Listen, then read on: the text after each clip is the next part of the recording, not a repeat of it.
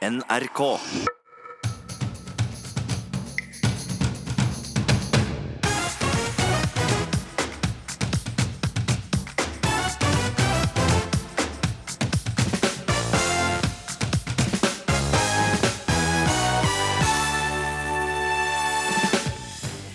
Magne Bondevik, du sitter her hos oss i ukeslutt. Hvorfor har du droppa KrF sitt landsmøte? Nei, jeg har ikke droppa det, men det var SAS da, som ødela for at de skulle komme dit, slik jeg hadde sett fram til. Så jeg kan nesten ikke tilgi SAS dette her. Men aldri så galt at det ikke er godt for noe, så er det i hvert fall her. For det er godt for oss. Og i denne sendinga skal du også få høre om at Rosenborg har blitt forført av sin egen suksess. Hele organisasjonen sovna. Det sier kommentator om krisa i Norges fotballhovedstad. Klubbens styreleder er i alle fall våken nok til at han stiller opp her i ukeslutt. Komiker Einar Tørnquist har akkurat kommet hjem fra Nord-Korea, og skulle gjerne vært flue på veggen under toppmøtet mellom Putin og Kim. Jeg hadde vært nysgjerrig på hvor mye tid de hadde brukt på å snakke om helt konkret politikk, og hvor mye som hadde vært sånn gutteapparat. For jeg kan ikke skjønne annet enn at det må være 50-50. Velkommen skal du være til ukeslutt her i NRK P1 og P2. Jeg heter Ann Kristin Listøl.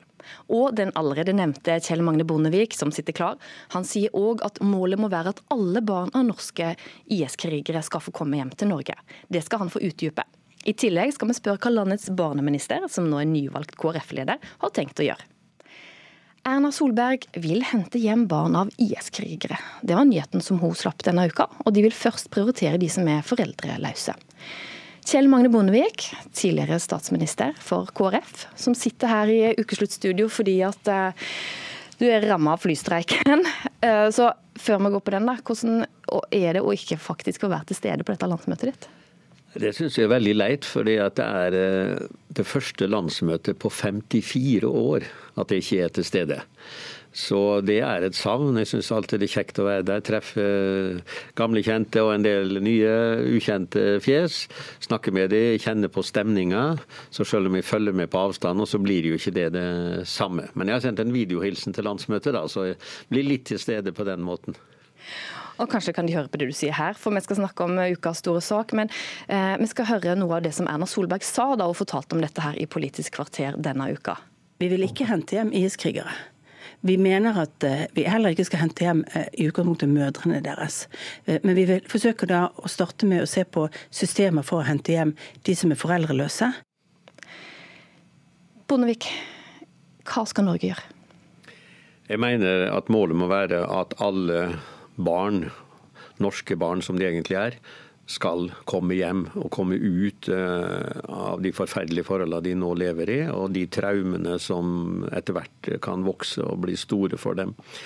Eh, det er jo bra at regjeringa nå er på glid, for først sa Erna Solberg at det var ikke aktuelt å hente ut barn, og nå er det eh, de foreldreløse. og Jeg skjønner godt at en kan begynne med de, for de er kanskje i den aller vanskeligste situasjonen og lettest på en måte å identifisere.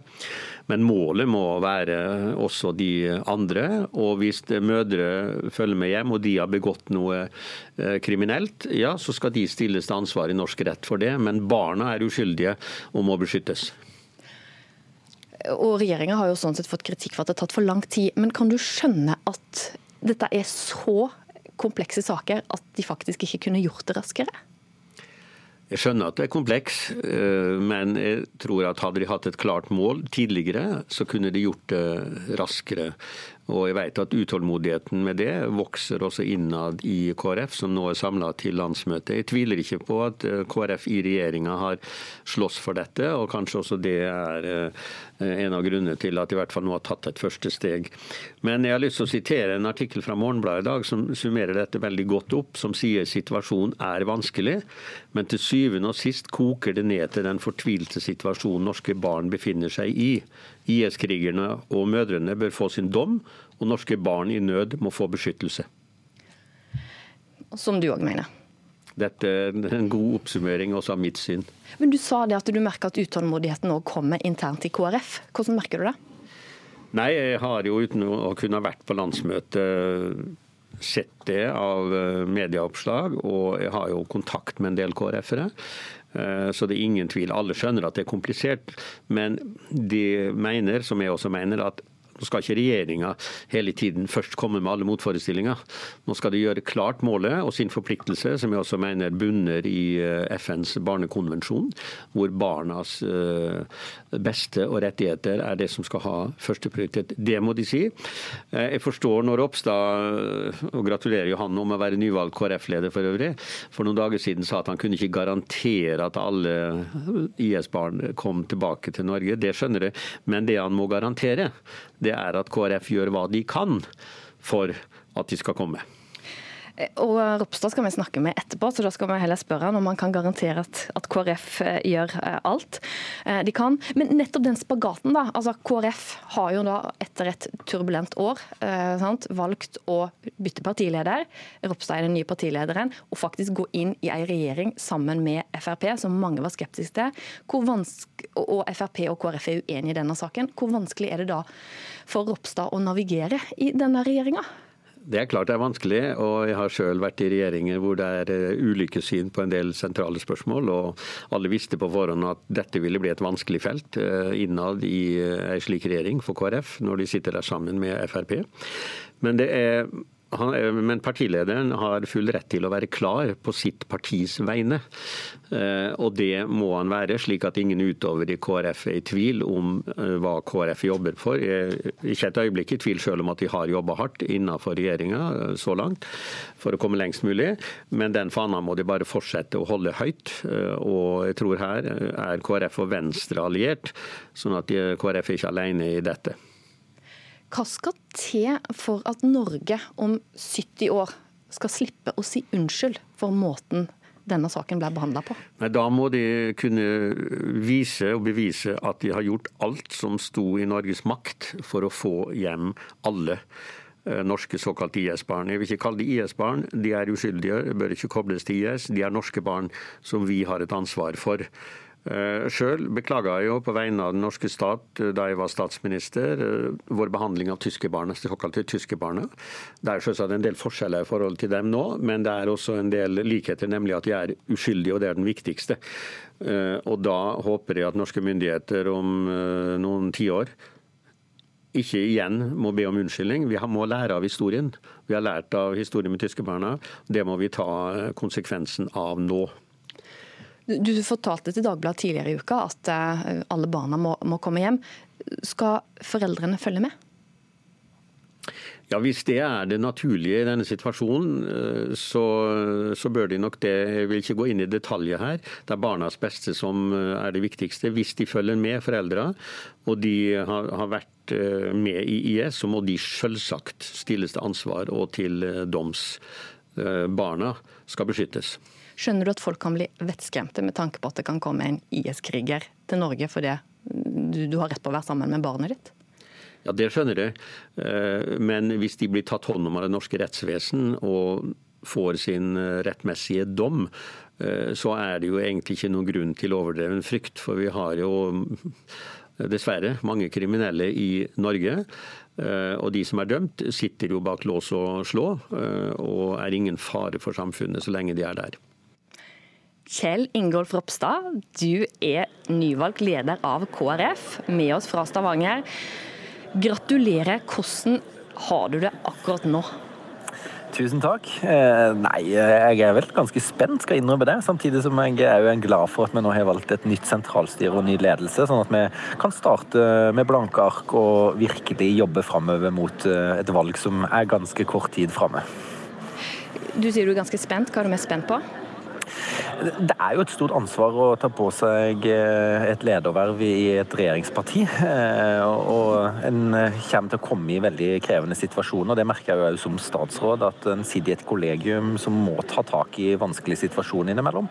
Så, så jeg er spent på hva fremtiden bringer, men, men må jo innrømme at jeg gleder meg. For det er veldig stas å få lov å lede et parti med, med så mye flotte folk. Og apropos vanskelige situasjoner. Du står faktisk midt i en vanskelig situasjon nå, for du er landets barneminister. Og du sitter i ei regjering som eh, mange mener har brukt for lang tid på å si at eh, ja, vi skal se om vi kan få henta hjem barn av IS-krigere.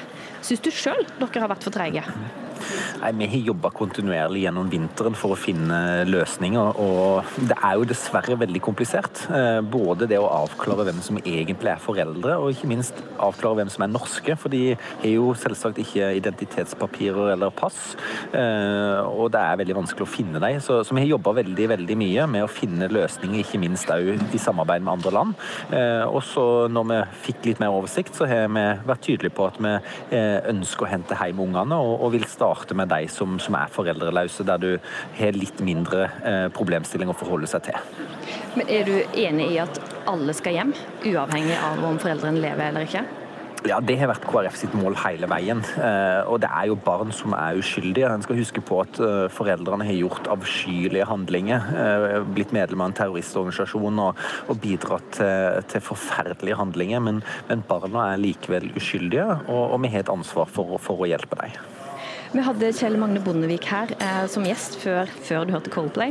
og Han sier at han, han kan skjønne at du ikke kan eh, garantere å få alle hjem, men han sier at du, altså, du må garantere at KrF gjør alt som er i sin makt for å få de hjem. Kan du garantere det?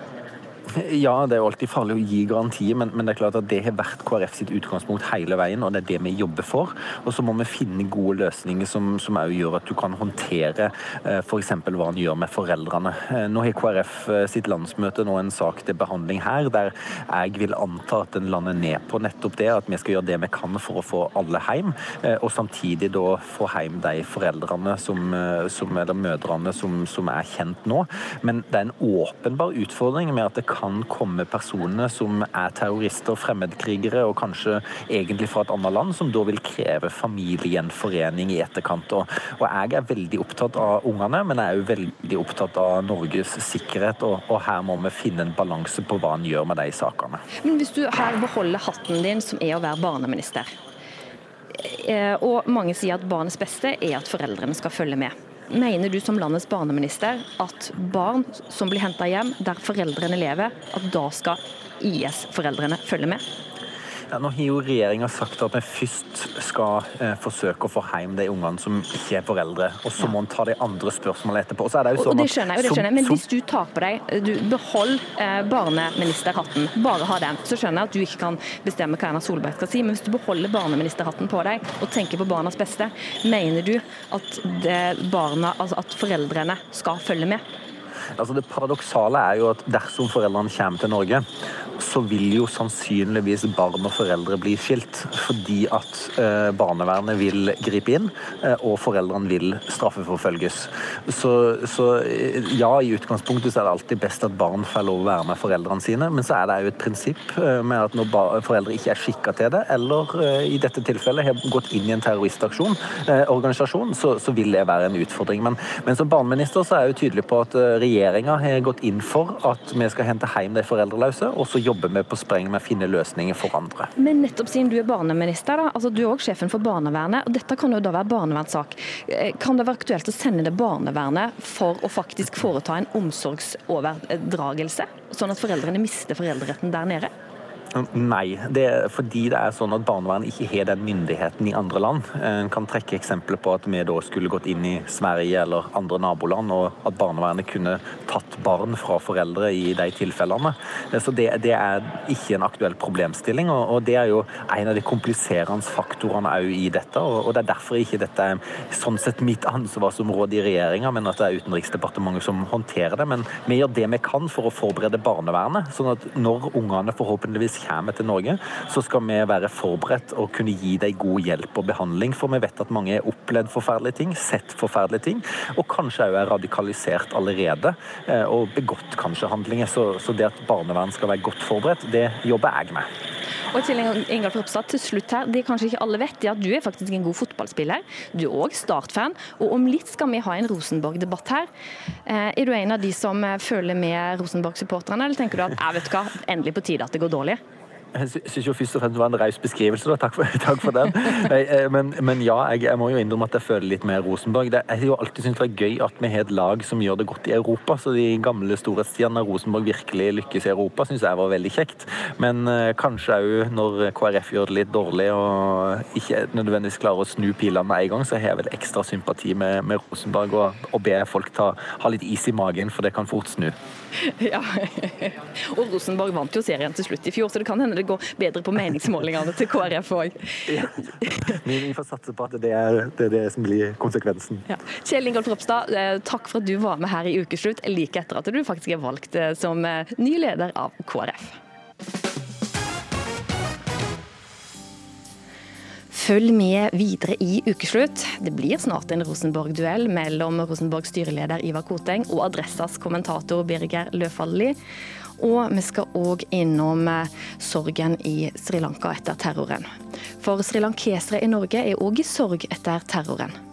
Jeg skjønner ikke hvorfor de måtte ødelegge den kjærligheten vi har.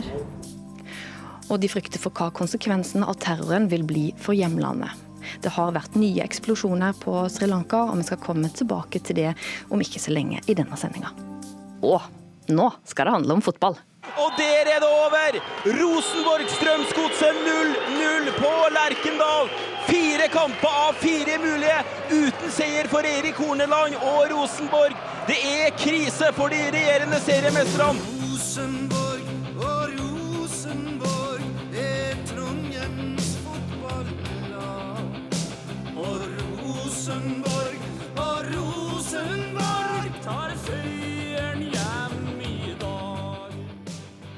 Er for dårlig. Altfor dårlig. Uh, og i fotballsammenheng så er det jo krise.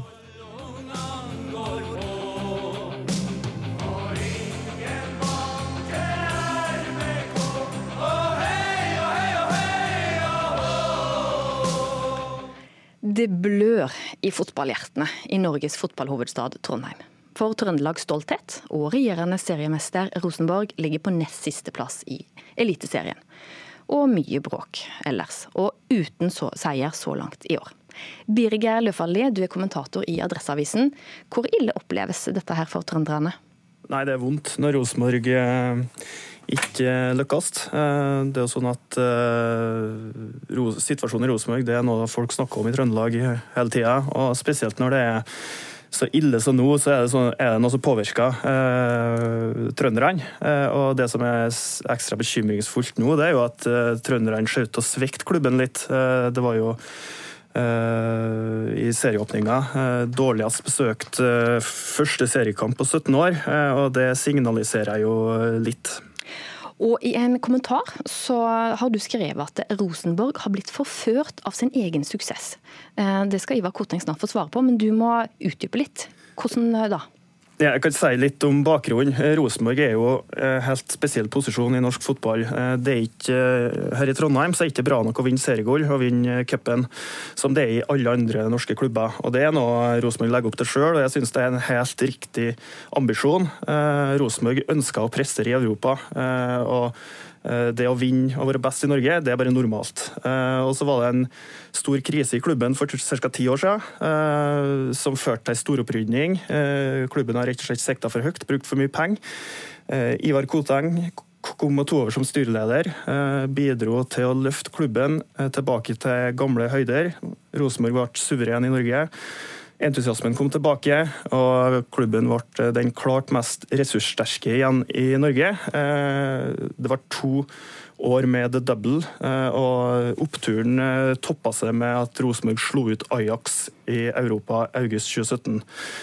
Og som jeg ser det, så akkurat da så, så det meste veldig lyst ut, og da var muligheten til å komme tilbake og ta enda et skritt i Europa. Men det som har skjedd etter eh, de Ajax-kampene, det er at utviklinga har vært negativ. Eh, Ajax spiller semifinale i Champions League nå snart. Eh, Rosenborg sliter i bunnen av norsk fotball.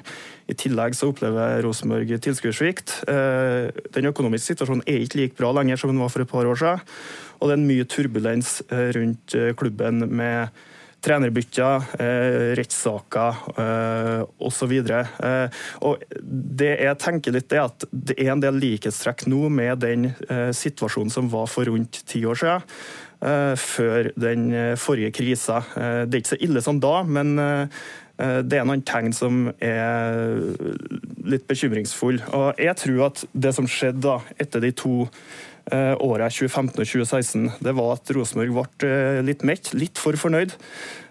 Og sovna litt. Og det går jo ikke hvis du skal konkurrere mot europeiske klubber som har mye mer penger enn det. Da må du i hvert fall være best på det som ikke koster penger. F.eks trening. Eh, og Det som kommer fram nå, det er jo f.eks. at treningsintensiteten har dabra.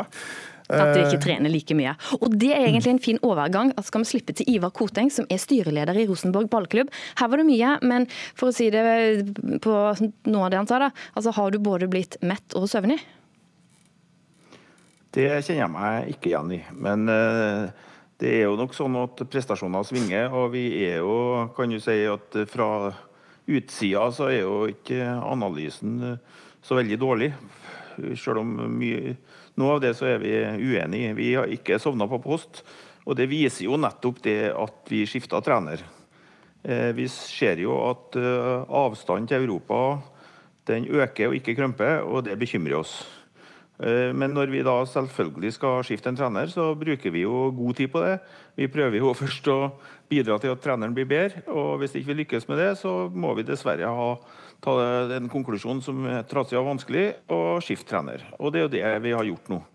Eh, og nå eh, tror jo vi at Å, å tape ti kamper på rad i Rosenborg, det går jo ikke, men vi tror jo at den treneren vi har ansatt, nettopp løfter oss et hakk i retning eh, nærmere Europa igjen.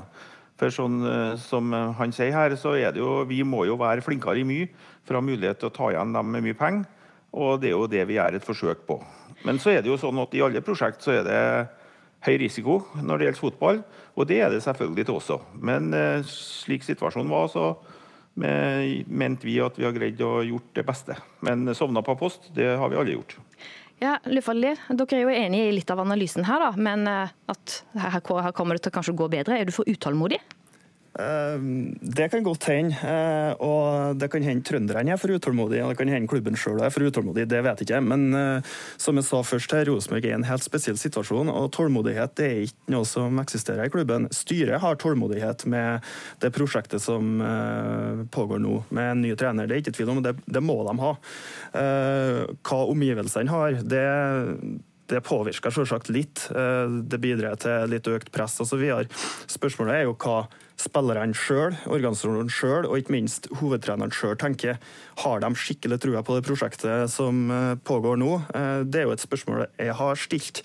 og det er jo altfor tidlig å konkludere om Eirik Horneland er en god Rosenborg-trener eller ikke. Eh, men sånn som situasjonen er i Rosenborg, med det enorme forventningspresset, så kan det ikke altså, Da, da blir resultatene så betydningsfull. Det betyr mer enn tre poeng, og spesielt den Molde-kampen i morgen. Eh, den eh, tror jeg er et sånn skille. Eh, hvis Rosenborg vinner i morgen, så kan det her snu. Men taper de, så kommer Rosenborg i en situasjon som kan være vanskelig å komme seg ut av. Koteng, det som det har vært mye snakk om, er jo at dere da sparka trener, Kåre Ingebrigtsen, i fjor. og Der er både du og Løfaldli enige om at det var riktig med trenerbytte. Men hvorfor hadde dere ikke klar en ny trener da dere eh, sparka de som var?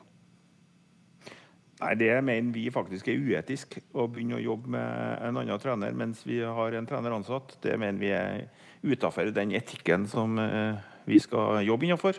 Så det mener vi ikke var rett. Men lider dere sportslig må... av at dere ikke var, eh, fikk på plass trener tidligere? Nei, det, det i, i, altså Hvis man er etterpåklok og så sier at vi har starta dårlig i år, så kan man godt skylde på det, men uh, sånn tenker ikke vi. Uh, Rosenborg har jo en, en uh, vikar som gikk på. Vi tok jo det dobbelt i fjor og kom oss til Europa, så, så, det er jo ikke sånn at det har vært forferdelig. Men som Birger sier, så har vi ambisjoner, og dem skal vi fortsatt ha. I tillegg så må vi ikke glemme at Birger sin jobb er en jobb i avis, og som ønsker å å selvfølgelig få mest mulig oppslag på det som skjer i Rosenborg, og det er vi svært glad for. Men hans utålmodighet som han viser gjennom det han skriver, det er jo ikke slik vi jobber i Rosenborg. Vi prøver å jobbe langsiktig. Jeg er selvfølgelig forferdelig frustrert noen ganger etter resultat som jeg går oss imot. Men vi tenker i, i mye lengre linjer og må ha både tålmodighet eh, og, og ikke være så voldsomt følelsesstyrt da, som eh, mye av det en Birger eh, skriver og gjør, og det Trøndelag er eh, ellers. Ja, Løfaldli, du kan ikke drifte en fotballklubb ved å være følelsesstyrt? Det går ikke. Eh, og eh, et sentralt stikkord her er jo langsiktig strategi. Eh, det som viser at Nils Arne Eggen gikk av i 2002, han var jo den som eh, tok Rosenborg helt til toppen av europeisk fotball på slutten av 90-tallet. Eh, da han ga seg i 2002, så ble det tydelig at det mangla en langsiktig plan og en tydelig strategi i Rosenborg. Eh, Det tok mange mange år før, de, før Rosenborg fikk på plass en trener som hadde suksess igjen. Spørsmålet mitt nå er om strategien i klubben er eh, god nok, om den er tydelig nok, om alle i organisasjonen er klar over hvor Rosenborg skal, og hva som er veien fram dit. For det var det i hvert fall ikke noe tvil om på 90-tallet, og jeg tror det var den viktigste suksessfaktoren til at Rosenborg faktisk nådde så langt da. Eh, Koteng, du har jo et poeng. Pressen er utålmodig, supporterne er utålmodige, og det blir medieoppslag og medieoppslag. Hvor lenge har du is i magen til å være tålmodig? Nei, altså Vi kan ikke tape veldig mange kamper på rad. Sånn er det i Rosenborg. Men eh, på annen side så må vi ha tålmodighet til å la treneren få gjøre det han skal gjøre. Eh, Og vi tror jo resultatene kommer.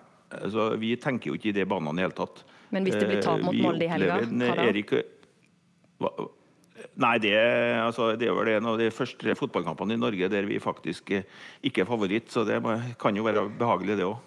Så om vi taper i helga, så tror ikke jeg det endrer så voldsomt mye på noe som helst. Men eh, vi har jo selvfølgelig også inntil helga nå tro på at det her skal vi greie å få med oss tre poeng hjem. Ja. Eh, Vi sier eh, lykke til til både Molde og Rosenborg i denne kampen her, og så får vi se hva som skjer. Takk for at eh, dere var med. Ivar Koteng, styreleder i Rosenborg ballklubb, og Birger Løfaldli, kommentator i Adresseavisen. Det har vært nye eksplosjoner på Sri Lanka etter at over 200 mennesker mista livet i flere selvmordsangrep første påskedag. I går kveld så ble 15 mennesker drept, fire mil fra der som du er nå, Sverre Tom Radøy, reporter, for du er på Sri Lankas østkyst. Du har òg bodd på Sri Lanka, og du er òg fem kilometer fra der som hovedmannen vokste opp og sist ble sett. Hvordan tar eh, folka det, det nå, det som skjer? Ja, Det spørsmålet er det jeg stiller til eh, kristne og hinduistiske tamiler, buddhistiske eh, singalesere og muslimer, og svarene de, de er mange. Nei, eh, Noen ber jo da om, og det er de aller fleste, om at dette skal forene landet og ikke splitte. Mens det er eh, en del som fyrer opp under eh, et eh, hat mot muslimene. Det var muslimer som angrep, og de skal på en måte tas. Så denne befolkningsgruppen som utgjør en, en 8-9-10% av befolkningen på 22 millioner, de er redde. Butikker har vært stengt helt eh, til nå. De tar av seg sin muslimske kalott før de går ut på gata for ikke å bli identifisert. De tar ikke offentlige transportmidler. Og vi har vært eh, i, eh, i denne byen Katakundi, fem kilometer eh, nord for der eh, vi bor. Og den er helt muslimsk. Der er det 63 moskeer på et lite område. Og det var her hjernen bak vokste opp. Vi har samlet stoff til Søndagsrevyen og fulgt da i terroristenes fotspor.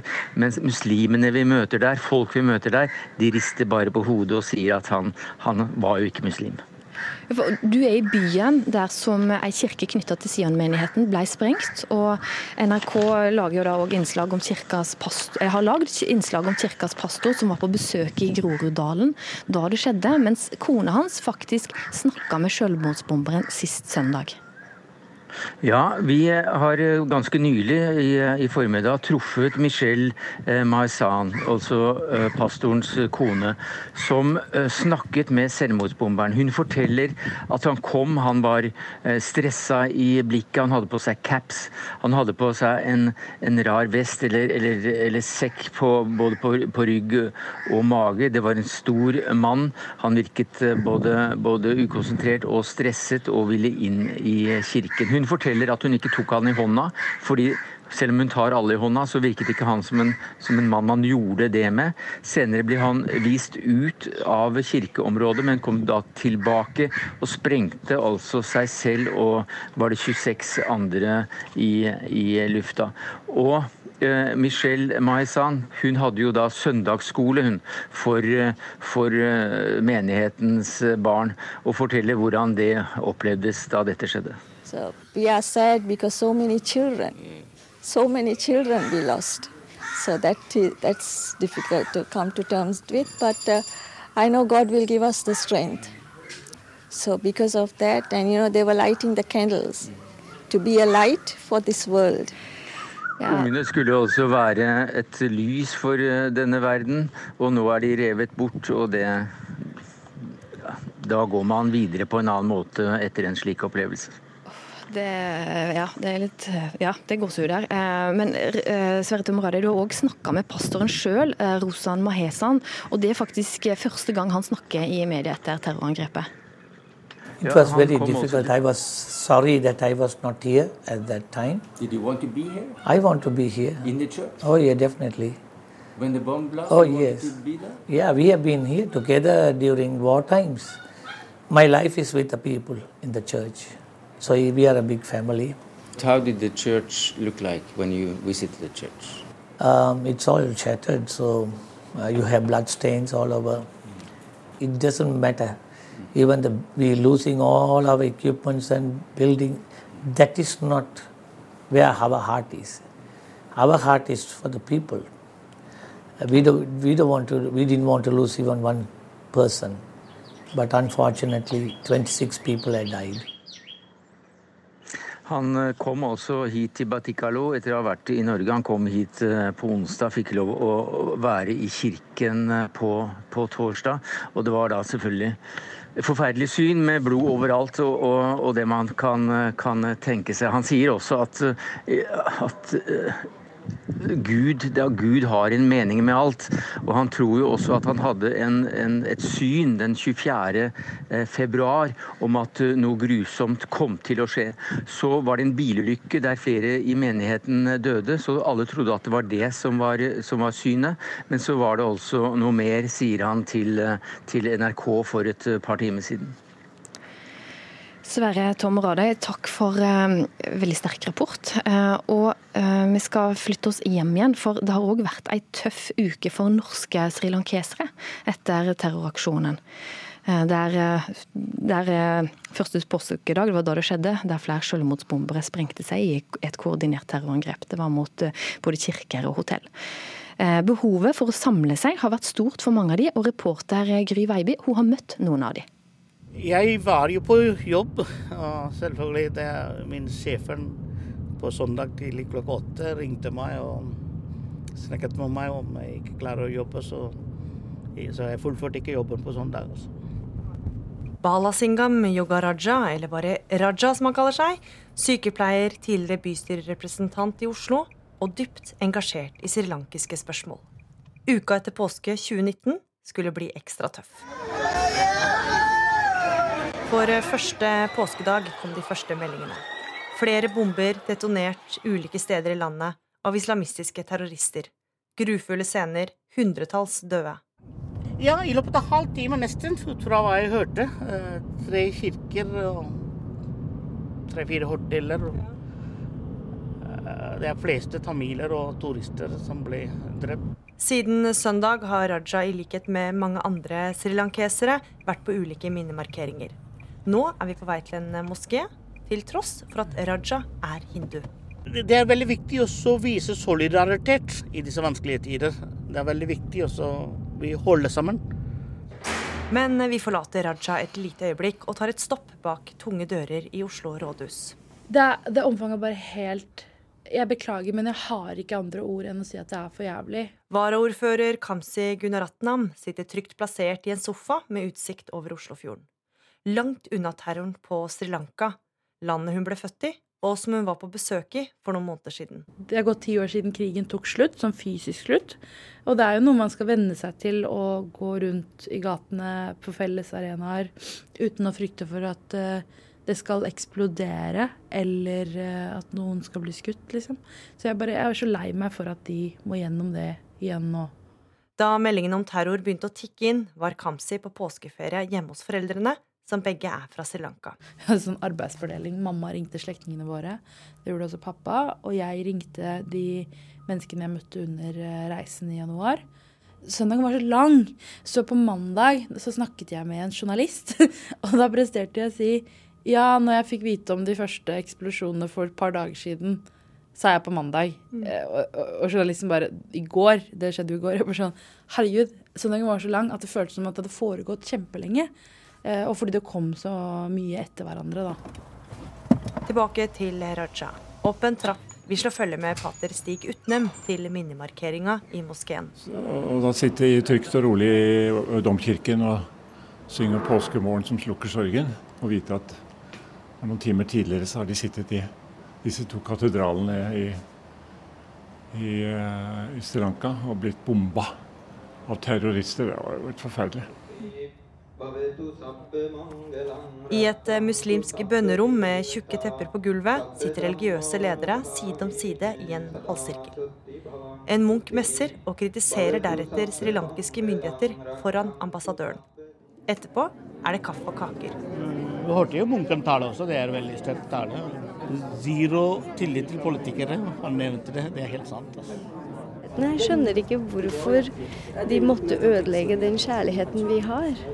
Det sier Shezarad Sharifdin. Vi skal ikke la dette stoppe. Vi har nødt til å bygge oss opp igjen.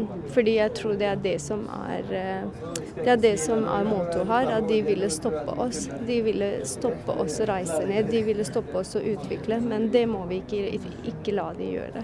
Markeringa er over for i kveld. Den samholdet gir jo et styrke. Så, så det, det er det veldig viktigste av når man våkner i morgen, så våkner med noe håp. Så det, det er det vanskelig, men man må jo ikke miste. For det har deltatt altfor mange minnemarkeringer. Raja er på vei hjem igjen. Og selv om det var godt å møtes, er han bekymra for hva terroren vil gjøre med hjemlandet. Det er lett diaspora, en små gruppe klarer å stå sammen. Men det kan bli vanskelig å faktisk på Sri Lanka, den store befolkningen, stå sammen. Du har hørt om det er null tillit til politikerne. Det er vel den frykten, eh, enda verre frykten. Når Utøya har hendt her, eller den angrepet mot Utøya 22.07.11., da er det vel politikerne samlet og, og jobbet mot Og skapte en harmoni og funnet veien videre. Men det er ikke slik på Sri Lanka.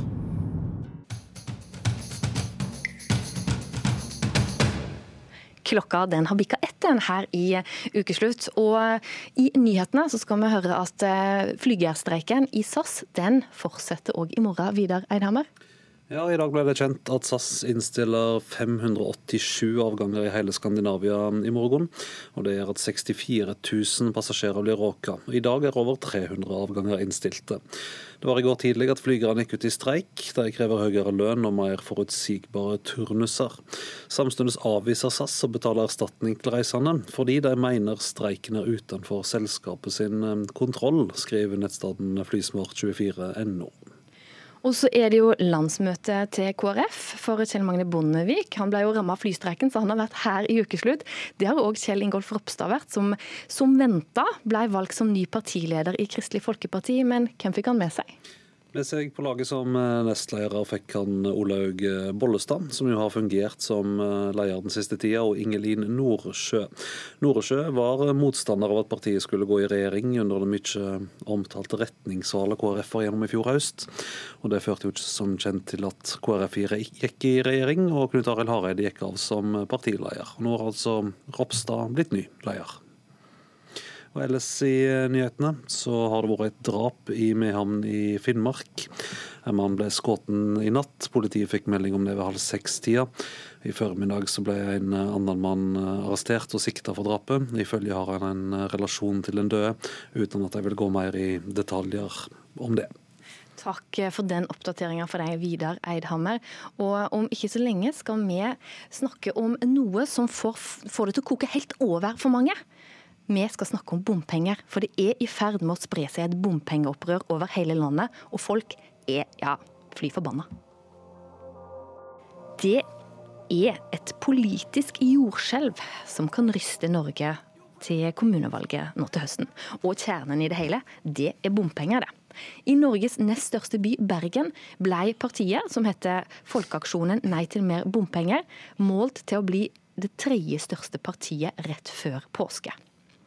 Og Trym Aafløy, du er førstekandidat eh, i Folkeaksjonen Nei til mer bompenger i Bergen. Dere har kalt en enorm vekst. Fra en oppslutning i mars på 6,9% så fikk dere da 16,9% oppslutning nylig, som ville gitt 11 representanter i bystyret. Hvorfor får dere så stor oppslutning? Eh, fordi at folk ser at demokratiet faktisk for en gangs skyld kan virke. Det er mulig for velgerne å endre det politiske landskapet i Bergen hvis de stemmer på et parti som eh, går eh, litt andre veier enn de etablerte partiene, og tar med hensyn til de som blir eh, krystet for tiden, nemlig bilistene i Bergen. Og, og forklar for de som ikke er så opptatt av bompenger, hvor sinte er folk? Det er et veldig engasjement. Hvis du ser på avisenes eh, kommentarspalter, så er det mange mennesker. Eh, men på vår egen Facebook-side, som nå har nesten 31 000 følgere, så er jo debattnivået veldig høyt, og temperaturen er kjempehøy. Folk er rasende, de er, oppgitte, de er skuffet de er sinte. Fordi at eh, de snart begynner å få bompengeregninger i postkassen som de aldri har sett maken til før. Og dere, har, altså, dere er et parti med flere saker, men hovedsaken er jo da nei til bompenger. Eh, hva konkret er det dere ønsker å oppnå? Ja, det som, vi, eh, det som virkelig har vekket engasjementet hos folk, det er 15 nye bomstasjoner i Bergen som skal kreve inn til sammen eh, mellom 300 og 400 millioner kroner. Og Dette er stasjoner som står eh, langt, til dels langt utenfor byen, bortsett fra de to som står midt inne i sentrum. Da. Dette er utgifter som stort sett skal brukes til, til helt andre ting enn en veibygging, og det reagerer folk på. Så disse 15 bommene de vil ha, vi ha vekk. Og Geir Steinar Dale, du er leder i Arbeiderpartiet i Bergen. Og i Bergen så er det da Arbeiderpartiet som sitter med, med lederen i, i, byrådet, og dere regjerer sammen med KrF og Venstre. Hvor stressa blir du når du hører at eh, bompengepartiet gjør det såpass bra og kan eh, få reell makt? Vi blir ikke stressa av eh, det. Vi registrerer selvsagt det engasjementet som er. og er åpenbart slik at det er et engasjement som også de såkalt etablerte partiene må ta hensyn til. Men vi er vel tydelige på at dette valget handler ikke bare om bompenger. Det er slik at Vi er enig i at bompengetaket er nådd. Men skal vi få ned eh, bompengesatsen, så må eh, staten eh, på banen for å være med og finansiere mer av Eh, infrastrukturutbyggingen i eh, byen. Ja, og Fløy, han, eh, Vi skylder på staten. Hva svarer du? Ja, men Hvem er denne staten? Altså, hvis du tenker på regjeringen, så sitter det faktisk eh, bl.a. to partier der som heter KrF og Venstre. Oi, ops! De sitter jo i byrådet i Bergen. Har de ingen connection der? Eller vi kan ta Stortinget. Der har du akkurat det samme. Stortingsflertallet består av fire partier, der Venstre og Kristelig Folkeparti utgjør to av de. De sitter igjen i byrådet i Bergen. og eh, vi vi, vi, vi, spør hvordan er dette her? Er KrF eller Venstre er de for dette, eller er de mot dette? Ja, Dale, svar på den, du. Ja, KrF og Venstre sammen med alle andre partier enn Høyre og eh, Frp har stemt for dette i eh, bystyret. Eh, og alle andre partier enn Høyre og Frp er altså for at staten skal komme inn med mer midler, og det er realiteten. Ja, men uh, denne staten som du snakker om, enten det er noe det ene eller det andre. Det som er saken, det er at uh, byrådet i Bergen de skyver bilistene foran seg som noen gisler, og uh, krever at staten skal betale mer penger. staten sier nei, i dette tilfellet Stortinget som har sagt at i denne stortingsperioden så vil det ikke gå opp. Og de nekter da å betale løsepengene.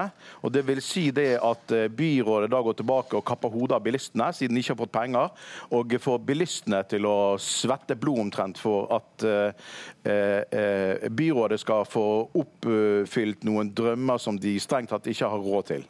Ja, for Dale, Du kan jo si nei til å bygge ting eh, når du ikke får finansiering. Et ansvarlig eh, parti som Arbeiderpartiet kan ikke si nei til å utvikle byen. Og Vi kan heller ikke se bort fra de faktiske utfordringer vi har når det gjelder miljø og klima i eh, vår eh, by.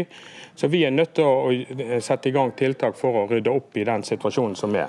Ja, men miljø og klima, det er vi også opptatt av. her, Det som er utfordringen her, det er jo at med bompengepartiet sin løsning, så vil det jo stoppe all infrastrukturbygging. Det første som vil ryke, det er det som eh, bompengepartiet skriker høyest på, nemlig veier. Ringvei øst er noe av det første som eh, vil ryke ved at eh, bompengepartiet skulle få makt som gjorde at de klarte å avskaffe bompenger. Og Åfløy, jeg skal bare stille et spørsmål. Ja. Mhm. Fordi at, eh, altså, det er lett å sitte i opposisjon og fortelle om alt man skulle ha gjort, men du har jo også sett at Frp, partiet som framfor alle er mot bompenger, sitter i regjering og sier at ja ja, men vi fikk ikke mer enn 16,9 av stemmen, eller hva det var de sa.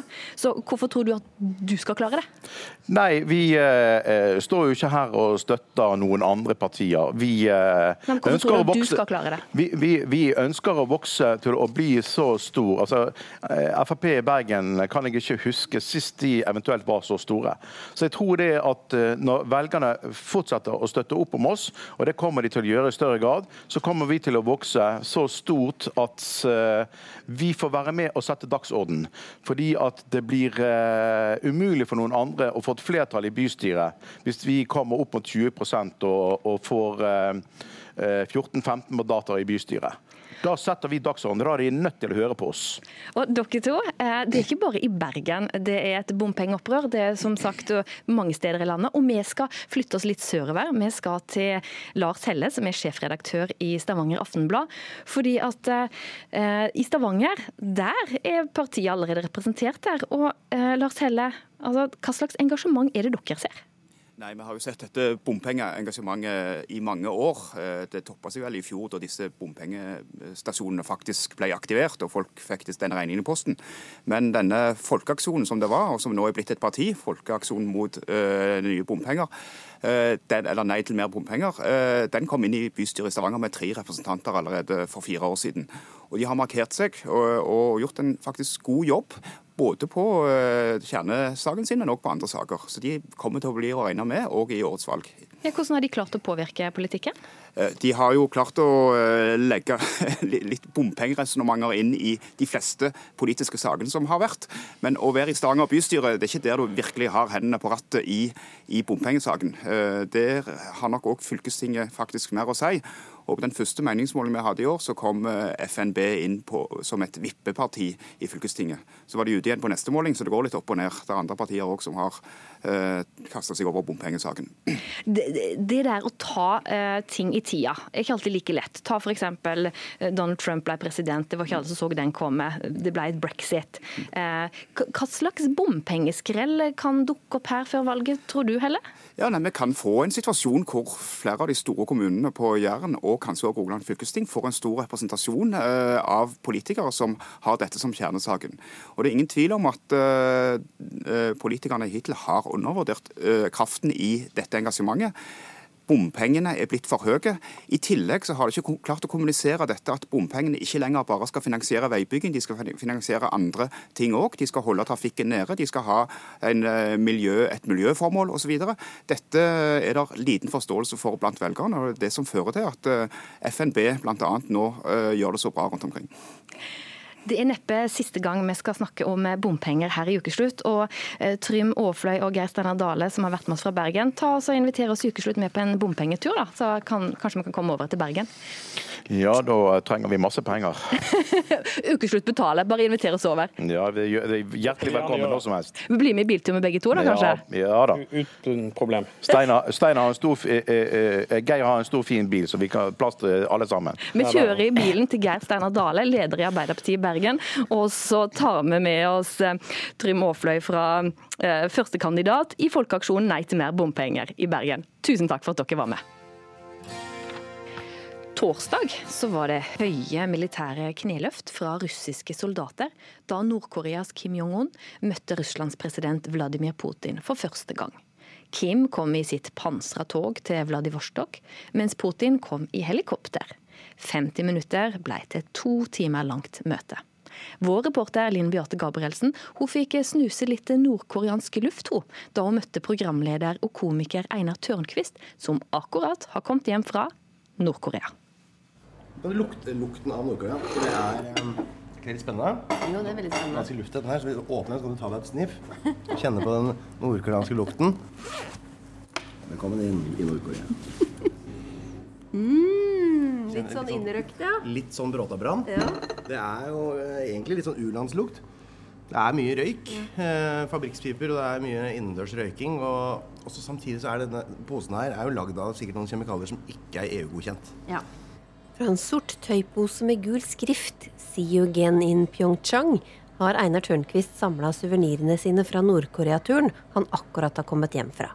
Men hva ville han fristet Kim med hvis han var Putin? Ja, det jeg har sett av hans taler og sånn. Macho.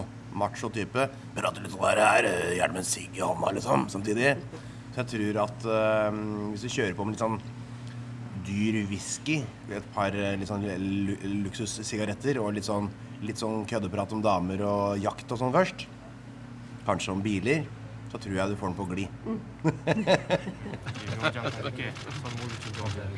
Macho var definitivt gavene de to hadde med til hverandre.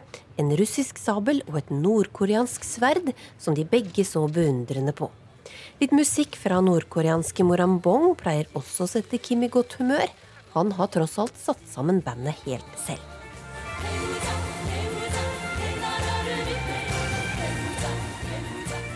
Se den sveisen til Kim, altså. Den er Fy søren, det er stramt. Jeg prøvde meg jo på den sveisen som var likest Kim vet du, da jeg var på frisør der, men det var nei. Det får du ikke lov til. Nei. Den var forbeholdt uh, Jeg tror det var forbeholdt- finere folk. Jeg tror det var noe hæren eller noe sånt som kunne få den. Ja. Ikke, det var ikke for meg. Nei. Så jeg måtte ha en annen. Du lurer kanskje på hvorfor i alle dager Einar Tørnquist i det hele tatt dro til Nord-Korea? Det kan jo ikke bare ha vært lysta på sveisen til Kim. kan jo vise en liten videosnutt fra da vi går inn på stadion. Han løp halvmaraton sammen med tre andre kamerater. Jeg er litt ute og løper. Kan jeg se litt uh, Pyongyangs lange, breie, billøse gater.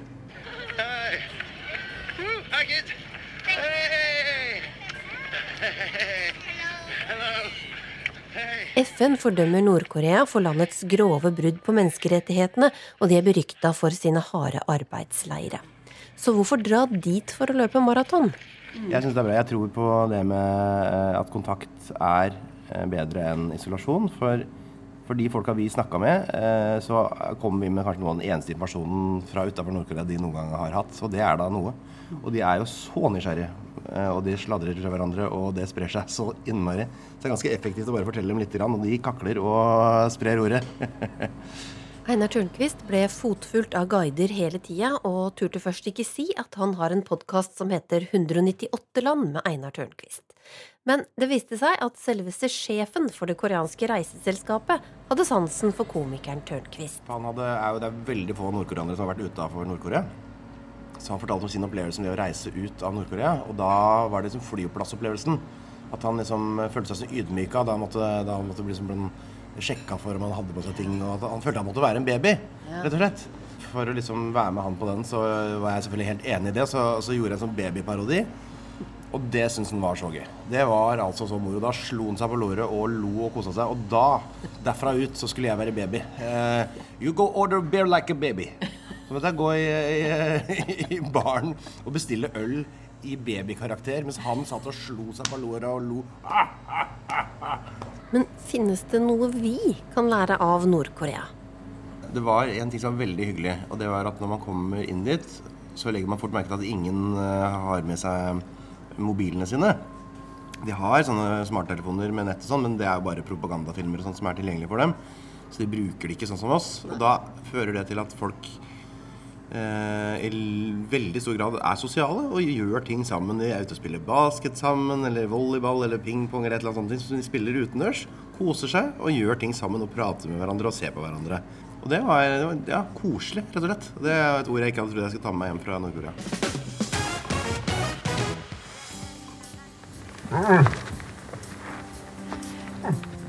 Dette er lyden av en elg. Og da et ektepar fra Mandal møtte på en elg på en sti, så var det ikke like koselig som det hørtes ut her. Fordi at elgen den bare stoppa opp, og så la han ørene bakover. Og da kom frykta. Og redningen ble å klatre opp i et tre. Men der ble de sittende veldig lenge. Snart er Laila Tveit gjest i Ukeslutt.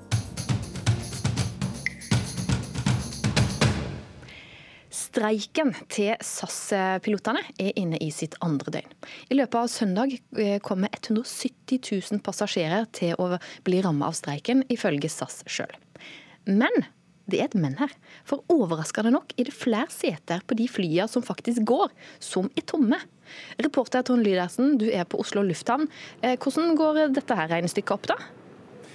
Nei, Det er jo kanskje litt eh, merkelig, da, kan man si. Her står en del eh, SAS-ansatte nå og deler ut litt vann og brød for å håpe å si, smøre gemyttene. Og så får vi samtidig høre at det, det går jo noen fly. Men Knut Morten Johansen, du som er pressesjef her. Hvorfor er de ikke fulle? Nei, Det er jo også dem som eh, går med ledig plass. og det, det er litt frustrerende. Er mange som skulle hatt dem, men jeg tror faktisk det er mange som tror at det ikke går et fly i hele tatt. Og det er jo litt, eh, litt trist, da. Hva skal dere gjøre med dette? der? Det, det blir jo komisk. Det, det er litt komisk, men vi snakker ikke om store, ma- mange ledige seter. Men jeg vet at eh, det er mange som ønsker å komme seg av gårde, og dermed så, så er det litt dumt hvis man også hadde plass og trodde at flyet var kansellert, og det får du sjekka på våre hjemmesider. Så ellers så ser vi her at det nå er eh, holdt på å si innsjekkingsterminal 5. Der er det buss som gjelder. Det er nye busselskapet. Ja, tenk det. Eh, buss for fly er det vi ser nå i Sør-Norge, til en viss grad i hvert fall. Og det, og det er jo klart det er helt uvanlig. Vi gjør jo det også ved værproblemer, men eh, det som eh, er smertefullt her, er at det er en streik i vårt selskap som fører til det. Det er helt trist å påføre passasjerene det her. Men det er viktig å komme opp med et tilbud eh, internasjonalt. Så har vi veldig mange partnere å spille på. og og ironisk nok, jo lengre bort du skal, jo bedre eh, nesten har vi løst de, de store problemene. Så det, det er jo den gledelige historien oppi det. Og så ser vi nå søndagen kommer til å ryke. Er det noen forhandlinger som begynner å skje? Hvor lenge skal dere holde på? Nei, eh, Varighet og alt sånne ting, det er jo eh, veldig vanskelig å kunne spå noe om. da. Eh, men eh, altså, jeg tror alle er innstilt på å få det her avslutta så fort som mulig. Og eh, jeg har ingen kunnskap eh, rundt eh, kontakt osv. Men, men jeg har i hvert fall en klar forståelse av at partene syns at dette er smertefullt.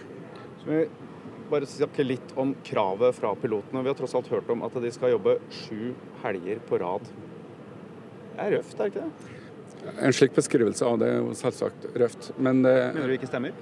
Eh, Jeg tror mange må korrigere det eh, ganske kraftig. Noen har opplevd å gjøre det, og det skjer fra, eh, fra tid til annen, men ikke i et stort omfang. Og så anvender man seg da ikke av en såkalt Superviken også, som eh, garanterer deg fri i helg. Og så det at En helg er ikke jobb fredag, lørdag, søndag heller i dette bildet. Hvis du jobber en fredag kveld, så er det eh, regna som en helg. og Jobber du søndag kveld og har fri resten, så er det også helg f.eks. Så her, er det, her må man nyansere det. Så eh, bare så man er klar over det. Og så kort. Når streiken avblåses, en eller annen gang, hvor lang tid tar det før dere er ordentlig på vingene igjen? Det er vanskelig å si, men eh, så fort som mulig vil det mest presise svaret jeg kan gi i dag. Det er så presise som SAS kan være, og så får vi se hvor presise flyene blir etter hvert. Takk til deg, reporter Trond Lydersen. Og som vi hørte, nå går det altså buss for fly. Men for meg som er vokst opp på Vestlandet, altså buss for fly, det er ganske vanlig det, når det er dårlig vær i Norges land. Men eh, så får vi se hvordan det går med denne streiken. Hva gjør du om du går tur eh, i skogen og er på en gangsti, og plutselig så står det en elg foran deg? Ja, da tar du kanskje et bilde først. Det gjorde Laila Tveit og mannen hennes. Men hva gjør du når elgen nå plutselig legger ørene bakover? Ja, da skjønner du at eh, du kanskje ikke bare skal bli stående. Laila Tveit, du er turgåeren som har blitt omtalt først i Lindesnes avis, eh, deretter VG. For dette ble en historie som mange har fått med seg. Og ta oss tilbake til den dagen. Hvordan fikk du først øye på denne elgen? Eh, vi kom i et skogholt, og mannen min foran meg i stien. Og så plutselig så sier han 'se der, Laila'. Og så Det var ikke mange meterne foran oss. Da står elgen der. Og det første jeg tenker på, er jo ta et bilde, liksom. Og det gjorde jeg. Og så, Men i de neste sekundene så er vi jo vant til at han er- løper fra oss og er redd. Men i de neste sekundene så snudde han seg mot oss. Og som du sa, la ørene bare gå og sto liksom i angrepsposisjon mot oss. Ja, for du- Dere har møtt elg før, så dere har erfaring med elg, men denne gangen så ble du faktisk redd. Eh, hvorfor? Det gjorde jeg altså. Jeg kjente det veldig når jeg så den posisjonen han inntok. Og vi var ikke mange meterne unna. Så kjente jeg frykten, altså. Og da ropte bare mannen min 'Laila, finn et tre', sa han. Ja, og Hva gjorde dere da? Nei, så, så eh, var det jo veldig fint skogholt der. Så det var veldig fine fòrer. For vi hadde nettopp gått forbi et eh, fjellparti hvor det var lite tre, så det var det mannen min tenkte liksom i de refleksene at det et tre. Men der var det jo ikke noe. Vi, hadde begynt å løpe tilbake, og vi turte jo ikke snu oss fra den elgen engang. Så vi oppi trea. Hvert sitt tre fant vi rett ved siden av. Og der satt dere da. Men så begynte du etter hvert å bli lei, for elgen ble jo bare stående. Så du ble lei, og så gikk du ned. Men det, var, det var ikke helt lurt. Hvorfor ikke det? Nei, mannen min sa det. Pass deg, sa han. Og, og jeg gikk liksom nærme. og tenkte like, han må jo forsvinne. Og prøvde liksom å hive en, en pinne og, og jage han litt. Men da ville han etter meg. Og, og, og da snudde jeg, og, mannen min ropte 'pass deg', han kommer. Og, da trampa han og etter meg, og jeg føyk opp i treet igjen. Enda høyere. Og da, da var jeg livredd. Hvor, hvor høyt kom du opp i treet da? Ja, der kom jeg sånn at du kan tenke en svær elg. Sånn at jeg, jeg følte jo det. Jeg tenkte han kunne ta labbene etter meg, men, det, men jeg var godt over hodet på han. Langt oppi midt i treet, ja, eller sånn. Ja, god til å klatre òg. og, og dette her har jo blitt en snakkis. Det er mange som har fått med seg denne. Eh, og vi har òg fått med oss Tormod Glesne, som er leder eh, av fallviltgruppa eh, i eh, Mandal og Lindesnes kommune. Og Tormod, hva slags type elg er dette her da, trolig? Ja, det er jo vanskelig å si eh, for, for sånn eh, konkret hva slags elg det er. Men, men det er klart at de har hatt en opplevelse med en elg som har oppført seg urasjonelt i forhold til det som er vanlig, og, og, det skjer av og til. Og Det kan jo så være, være flere grunner til det, men, men kanskje mest sannsynlig at det er en, et, et ungt dyr som, eh, som kom, har blitt jagd fra sin mor. og og er litt sånn usikker på hva, hva gjør jeg når jeg møter folk og er blitt alene. Ja, og Leila Tveit, du satt jo oppi dette her treet. Og hva gjorde du etter hvert? Nei, da jeg kom opp igjen, da, da var jeg livredd. Og da hadde jeg jo tenkt å, å, å, å filme den litt mer. Men, men, eller det gjorde jeg jo første gangen, da. Men etterpå, når jeg hadde løpt og han ble skikkelig sint, så, så eh, Da klarte jeg så vidt å holde mobilen. Tenkte jeg nå må jeg bare ringe noen som kan hjelpe oss. Og da var det svigersønnen min, vet du. Jeg ringte. Kan du sende noen som kan hjelpe oss? Elgen tar oss. Og eh, Tormod Glesne, altså, eh, noen tenker at ja, ja, man møter elgen, han springer med en gang, ikke noe problem. Andre har opplevd at elger kan være ganske store og skumle. Hva skal en gjøre i en sånn situasjon, når du møter en elg som ikke springer vekk? Ja, altså det, er jo, eh, det er jo helt riktig det som Laila og de har gjort. Eh, Det er klart at eh, når, når elgen ikke forsvinner sånn som er normalt, så, så, og de er veldig nært et sånt dyr, så er det klart at da må du passe på, på det sjøl. Og så gå opp i et tre hvis du har sjanse til det. Det er jo det som er, er løsninga. Men, men det, det, det, er jo det som er så, så, så, så spennende, for det er jo uvanlig reaksjon på en elg i dette tilfellet. Og nå skjønner jeg jo at de har vært veldig nærme når de, når de oppdaga elgen. Og kanskje det var li, elgen var ikke heller oppdaget de før. Og, og, det å komme nær til sånne stort dyr, da, da, vi, da, kan vi fort føle litt frykt. Og, og det er viktig det å, å vise respekt for, for dyrene, og, og, ikke prøve å provosere dem i hvert fall. Og derfor tenker jeg sånn, det, det, er riktig det de har gjort. At de, at de uh, kommer vekk, og så, og så ser situasjonen an. Eh, og Tveit, vi kan si at du da, altså at eh, Til slutt så forsvant elgen, så dere kom dere ned. Men kommer du nå til å gå tur i det området der? Ja, det, det var jeg på tur i går igjen. Ikke fullt så langt, da, men, men jeg må innrømme jeg, jeg skvatt flere ganger og var sikker på jeg så han. Men eh, jeg kan ikke la den frykten styre meg, så på tur i skauen må vi. Glesnet til de som bor i områdene nå og blir redde. Skal de gå på tur, eller skal de passe på? Ja, de skal gå på tur. Og Det var veldig bra at, eh, at Leila gikk ut igjen på, på tur i samme område. For, for dette, dette, tror jeg er en eh, sånn hendelse som, som, kan skje, men, men, det er ikke vanlig. Og, og vi har hørt andre som jeg tror har sett samme elgen i området. og, og Hvorfor har, elgen har reagert akkurat sånn, det, det, det er vanskelig å gi noe fasit på. Men, men, det er viktig at folk får tur, og det er viktig at folk er observante. For det er jo kjempefint å se en elg. Og, og står det en elg i stien som der, har, der du har tenkt å gå, så, så, så, kanskje stoppe opp litt og gå litt tilbake og se litt an. Og så la Elgen har jo samme retten til å gå i den stien som vi har. Så, så det er viktig, det. Og, og som Laila sa, det, det, er viktig å nyte synet. Ta et bilde og, og, og nyte det. Og så, vær, og så vis respekt hvis de elgen oppfører seg annerledes enn det som er normalt.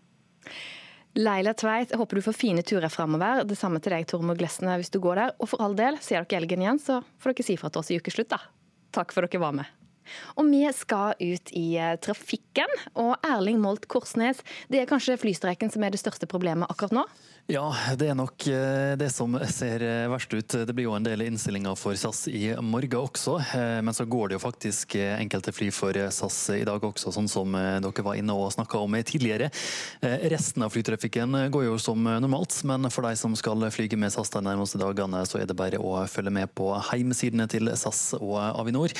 Ute på veiene i Bergen på E39 så er det en god del oljesøl fra Vågsbotn og nordover. Her er entreprenøren i gang, men det kan ta en del tid å få fjerna alt. For de som skal inn mot Kristiansand, fra østsida på E18 så er det stoppa en bil på Varoddbrua. Politiet er der også, det her fører til en del kø akkurat nå. Og ellers i Oslo så er det jo sentrumsløpet i dag, så der ber politiet folk i området Kvadraturen og Frognerparken om å reise kollektivt og så finner du eh, full oversikt over alle stegningene eh, på nettsidene til sentrumsløpet. Takk til deg, Erling Målt Korsnes fra NRK Trafikk. Og fra trafikk til vær og statsmeteorolog Terje Alsvik Vallø. Ja, hva sier været oss, da? Det sier at det er mye fint vær i landet denne lørdagen, bortsett fra lengst sør hvor det er ganske grått.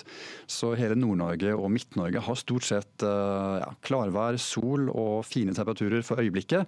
Det ligger noen skyflak lokalt i eh, Finnmark og i Møre og Romsdal. Men lenger Sørlandet er det stort sett skyet nå, og regn forekommer særlig på Sørlandet og i Rogaland. Og denne sonen med regn den brer seg langsomt nordover, så i kveld og i natt så kan det lokalt komme ganske mye regn i Telemark og sør i Buskerud. Også perioder med regn i kveld og i natt eh, på Vestlandet og Østlandet sør for ca. Mjøsa og Sognefjorden. I morgen søndag da trekker denne sonen med regn sørover igjen. Og Sørlandet og Rogaland får en grå søndag med regn av og til, med en lite nedbør nord i Rogaland. Telemark og Østlandet får i morgen litt regn tidlig på dagen, særlig sør og vest for Oslo. Men det går mot lettere vær og mulighet for sol fra ca. midt på dagen i morgen og utover. Da stiger temperaturen til rundt 20 grader flere steder. I fjellet i Sør-Norge litt regn lengst sør først på dagen, ellers oppholder seg etter hvert også lettere skydekke. Minst skyer blir det nord i fjelltraktene.